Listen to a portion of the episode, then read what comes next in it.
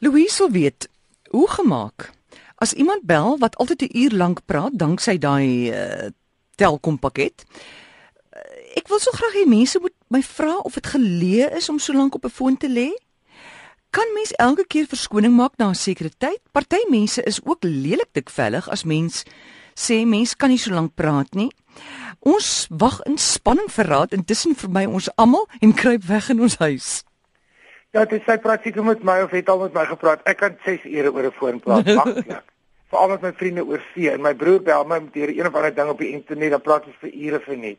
En ek is mal oor oor 'n foon praat want jy hoef nie uit te gaan nie. Daar's nie traffic nie. Mm. Ek, ek dres my mos op as ek uitgaan. So ek hoef nie my op te dres en ek hoef nie my maag in te trek. Ek is mal oor 'n foon. En ek vat nie offensie. Ek is altyd die een wat die langste praat soos wat jy afgelope 'n paar jaar al agtergekom het. Ek, dit is nie vir my probleem as iemand sê hoorie so ek moet hardloop nie my vriende doen dit. Sê hoorie daar's iemand by die deur nie.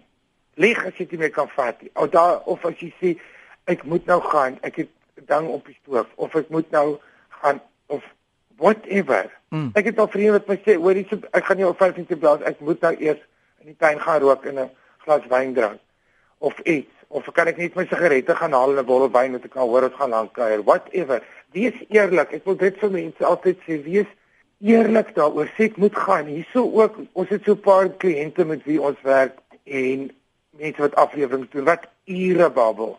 Ek se my om my hoek daar's foon om net om die ene te red. Ons vir mekaar tekens. Wat sê red my. Dan skree nie daar's foon. Of jy maak ping ping met 'n klokkie dat hulle dink as iemand op die lyn.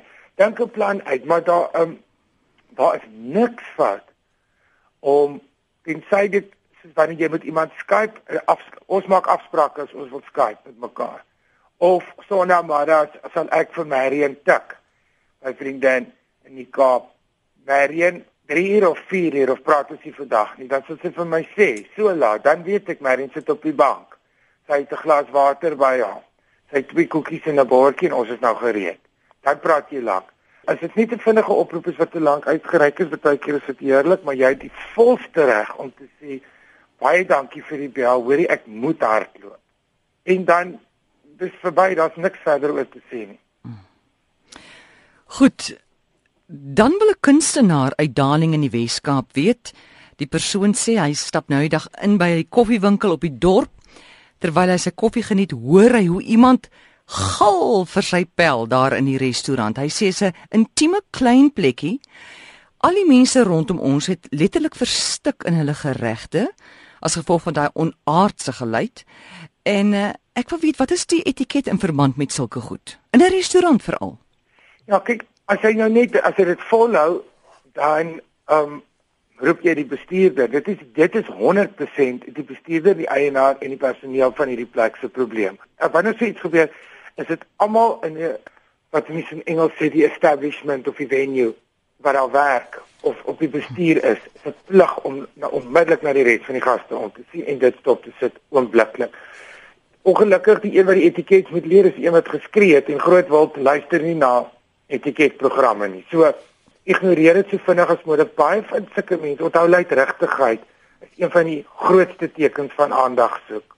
Van mense wat op een of ander plek in hulle lewe nie erkenning kry nie, wat verdwyn in 'n huwelik of wat verneek word of wat 'n lae pos het by die werk of wat in die verste afrolkamer sit. Hulle hulle reageer. So dit is of drank of 'n gebrek aan aandag. En om dit stop te sit, ignoreer jy hulle meer as ooit. Sodra jy aan so 'n mens aandag gee, is dit olie op 'n vuur. Dat jy kry sulke mense op liggawens ook in in teaters. Kyk hier is ek op die voorg in die middel van 'n storie, dan begin een terugpraat. Ek maak vir hom so stil dat hy let so let for life. En jy moet hom vinnig snoer, maar jy as die beste ding wat jy kan doen as 'n ander kliënt in die restaurant is om absoluut stil te bly as dit weer gebeur uit te stap en vir die management sê ek kan nie terugkom as dit so julle werk nie. Maar iemand iemand daarmee te leer en 'n plan maak. Maar as dit my besigheid was het ek daai man uitgegooi voordat hy sy laaste woord gesê het. Ja. Gou 'n ander vraag, sien nou maar jy sit in 'n restaurant. Ons praat nie van 'n restaurant waar kinders ook baie welkom is nie. Eh, ook nou nie 'n duur Franse restaurant nie, maar jy wil net jou ete geniet en eh, daar's gaste wat toelaat dat hulle kinders op en af hardloop in die restaurant. Kan mens gaan kla daaroor? Absoluut. Jy gaan na die restaurant toe en sê wat is julle beleid?